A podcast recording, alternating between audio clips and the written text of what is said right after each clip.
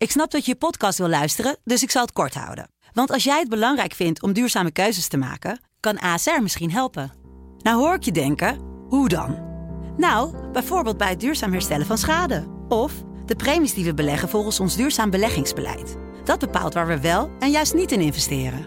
Wil je meer weten over welke duurzame keuzes ASR maakt? Ga dan naar asr.nl/slash duurzame keuzes. ASR doet het. Zo, dan kan je nu lekker naar je podcast luisteren.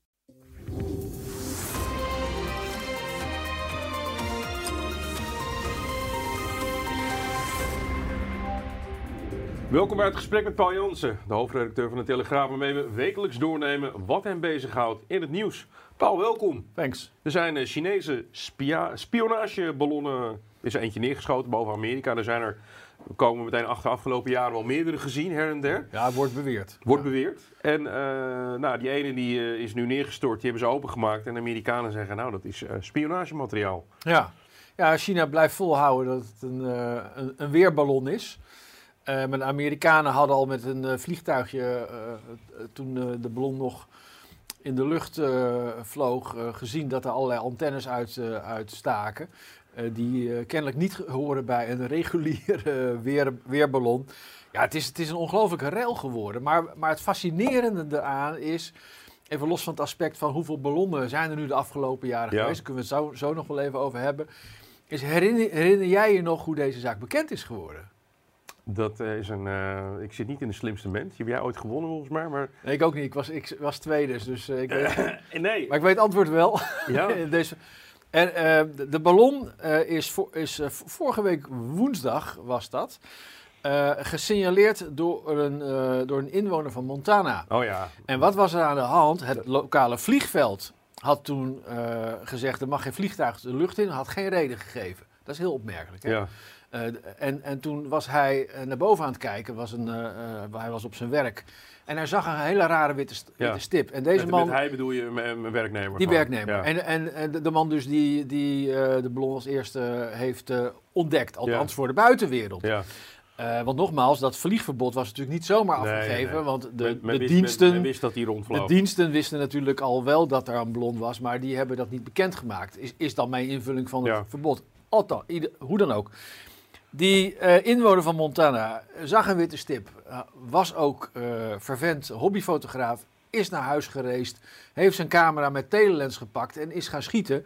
Heeft die beelden op sociale media gezet met eh, de, de tekst erbij. Ik geloof dat ik een UFO heb eh, geschoten. Hij, hij eh, informeerde ook de lokale krant, want daar had hij als data-analyst eerder gewerkt. En dat was het begin van Ballongate, de, de, de grote internationale rel, wereldnieuws eh, rond eh, deze, eh deze spy-balloon van, van China. Heel fascinerend. En toen is een, nationaal televisiekanaal heeft, heeft dat, dat, dat verhaal opgepikt. Is daarmee naar het Pentagon gegaan. Die zegt, joh, we zien deze beelden, weten jullie wat hier aan de hand is? En toen kwam het Pentagon terug met de mededeling dat het een vermoedelijke Chinese observatieballon was. Eh, Ja. dat, die term, term vermoedelijke Chinese observatieballon heeft geen dagstand gehouden. In Amerikaanse media, eh, Washington Post, maar ook eh, het Britse persbureau Reuters, dezelfde dag heel stellig, het is een Chinese spionageballon. En toen dat frame werd gezet, en wij in Nederland hebben het ook allemaal overgenomen, ja, toen ging iedereen naar het Witte Huis kijken. En wat ga je eraan doen? Ja. En toen heb je een hele spannende dynamiek gezien. In één keer kwam eh, vanuit de Amerikaanse politiek de melding. Ja, maar dit is niet de eerste keer. Eh, ja, en we, we wisten het al, we waren ze al aan het tracken sinds de Ja. zaterdag daarvoor. Het had met te maken met dat ze hem niet boven eh, bewoond gebied wilden. We kunnen hem- Ja. ook een argument, we kunnen hem niet neerschieten, want dan kan er wel eens schade op de grond ontstaan. Allemaal heel merkwaardig. En ik las een reconstructie in de, in de Washington Post, waar al werd gezegd, nee, hij is de zaterdag ervoor al eh, bij het Amerikaanse luchtruim bij Alaska binnengekomen, vervolgens over Canada gegaan. En daarna, ik meen bij Idaho, weer Amerika binnengekomen en toen naar Montana. En zoals jij weet, Montana, dat staat vol met, ik geloof, 100, Lanceerbuizen. ja, 150 van die Minutemen, weet je wel? Ja. Die, die, die intercontinentale eh, ballistische raketten. En, en, maar, maar het fascinerende is dus dat, dat is wat ik eruit opmaak, eigenlijk de Amerikanen, en dan heb ik het dus over de, de diensten, eh, het Witte Huis, eh, al wordt gezegd dat president Biden pas ook diezelfde woensdag dat die inwoner van Montana Ja. het signaleerde, Biden die dag pas is geïnformeerd. En dat suggereert dat als de diensten inderdaad van meet af aan die ballon gemonitord hebben, dat ze het eigenlijk gewoon stilletjes wilden laten passeren. Ja. Maar door de publiciteit konden ze dat niet meer en moesten worden ingegrepen. En dat heeft natuurlijk uiteindelijk geresulteerd eh, in dat spectaculaire neerschieten van de ballon eh, bij de, net voor de kust van Ja. eh, South Carolina. Met een, met een, met een F-22 Raptor, zoals de straaljager Ja. heet. Heel Ook weer, supersonisch ding. ook weer Maar- al eh, breed vastgelegd door het publiek. Ging ook weer op sociale media. En zo zie je de kracht van sociale media. Ja. Hè? Dat, dat, dat, dat kan in dit geval niet alleen wereldnieuws maken, maar ook gebeurtenissen forceren. Want ik denk niet dat als die, die witte stip aan de, aan, aan de hemel in Montana door die inwoner was, eh, niet was opgemerkt, ja. Eh, dat het niet zo ver was gekomen. Maar is het een pleidooi van jou voor meer openheid over dat soort spionageprocessen? Of zie je het meer in Nee, hoe, ik- hoe- hoe evenementen elkaar kunnen opvolgen? Dat, exact dat. Het is fa- fascinerend om, om te zien. En, en met name ook dat het Pentagon eh, op een gegeven moment ook, ook eh, waar jij mee begon, gezegd, ja, maar we hebben, we hebben eigenlijk veel meer van, van dit soort ballonnen gehad. Eh, en, en er kwam natuurlijk de reactie vanuit de media, maar, maar ho, wacht eens even.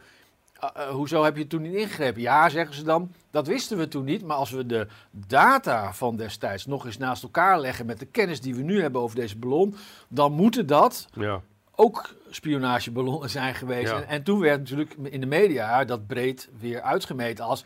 aha, ook onder Trump, president Ja. Trump, zijn al die ballonnen geweest. En Trump die sprak natuurlijk weer meteen van nepnieuws. ja. Eh, en de media die het allemaal weer op hem voorzien hebben. Maar je ziet zo dat alles in beweging komt. En dat begint heel klein bij een inwoner die als hobby heeft fotograferen en beschikt over een goede telelens om het ook inderdaad vast te leggen. Ja, het, is een, eh, het, het zegt ook iets over supermacht eh, China, hè, trouwens. Dat, dat even af, afronden. Dat, eh, vroeger was het vooral Rusland. Ja. En China wordt nu de, de nieuwe Koude Oorlog counterpartner. Kijk, ik- kijk ik, ik geloof niet in groene marsmannetjes. Dus al die berichten, we hebben natuurlijk eh, in het recente verleden heeft het Pentagon ook geopenbaard dat er heel veel eh, UFO's, ja. UF- UFO-meldingen zijn van, van alle soorten en maten. Ja, Je moet er gewoon rekening mee houden dat dat over het algemeen naast waarnemingen van, van burgers. eh, die misschien heel verklaarbaar zijn eh, door, door natuurverschijnselen Ja. of, of een, een, een, een B2 of verzin het maar. Maar dat daar ook eh, behoorlijk veel eh, spionageactiviteit eh, tussen zitten. Wat mij blijft verbazen is ehm, dat deze ballon, waarvan nu wordt gezegd, ja, die ballonnen die stuurt China regelmatig uit, eh, Ja. over, eigenlijk over alle continenten, Ja. om gevoelige informatie te verzamelen, is dat, dat in, in deze tijd van spionagesatellieten, ja, waar we dus komt, echt komt, komt een beetje klungelig over een ballon. nou ja, het lijkt een stap terug met een ballon. En, Ja. en ze kunnen dan wel sturen aan het ballon, maar niet op een Nee, manier. eh, het is en- voornamelijk wind. En, en, en da- laten we niet vergeten dat onder die ballon, daar hing toch een gevaarte. Wat, eh, als ik het goed heb begrepen, hier toch, hè, had het vorige keer ook over, iets van drie bussen groot is. Echt, echt een, een, een- het, is geen, het is, was geen klein doosje wat daaronder Nee, hing. nee. Dus het was een, een, een behoorlijk gevaarte. Op enorme hoogte, nog hoger vloog die Ja. dan waar de passagiersvliegtuigen eh, komen. Maar dan nog, Wilson, je, je, je denkt toch in deze tijd met, met de technische vooruitgang dat dat niet een stap voorwaarts is, een stap terug. En als ik het allemaal lees eh, en, en nu in één keer wordt de stelselmatigheid van deze techniek eh, van China wordt, eh, benadrukt, dan denk je toch van... Maar wat missen wij dan hier, weet je? Ja, eh, we hebben ook al besproken. Ja, je kan natuurlijk met zo'n ballon die langzaam gaat, kan je natuurlijk meer data oppikken, omdat je langer boven een gebied Ja, kan ja. blijven hangen. Maar je zou verwachten in deze tijd Het dat, je, dat je een, een haarspeld kan inzoomen. dat die techniek van een halve eeuw geleden is en, en, en niet van nu. Maar ik denk eh, dat we dat niet moeten vergeten, en zeker niet wij als media. Je krijgt in dit soort dossiers natuurlijk nog niet eens de helft van het Nee. echte verhaal te horen. Vind je dat Eh, terecht of niet? Zou je, zou je meer ja, openheid op ja. spionagegebied willen zien of maak je je tegenstander Nee. daarmee wijs? Ja, natuurlijk. Ik, ik vind het terecht, maar ik vind het ook frustrerend. Want we zijn een journalistieke organisatie. en, je, en je voelt gewoon dat je, dat je eh, wordt gestuurd. En je ziet hier, denk ik, in, in dit dossier een combinatie van nou, toevalligheden. hè, Zo'n inwoner die het ziet. En dan, dan, dan, dan zie je een hele ontwikkeling gaan die eindigt in het neerschieten van, van zo'n ballon. En, a- en aan de andere kant weet je gewoon met, met stukjes informatie die je in dit geval van het Amerikaanse ministerie van Financiën, eh, de Defensie krijgt, zie je gewoon de- dat ze veel meer weten eigenlijk. Eh, want het alter- alternatieve scenario is angstaanjagend. Ja. namelijk als ze niets weten, ja, wat is er dan de afgelopen jaren Ja. gebeurd? Dus het is een combinatie van spin, gestuurde informatie en eh, ja, dingen toch eh, angstvallig geheim willen houden. Ik denk dat dat wel zo hoort. Maar als journalist is het niet iets wat je wenst. Dankjewel. Graag gedaan.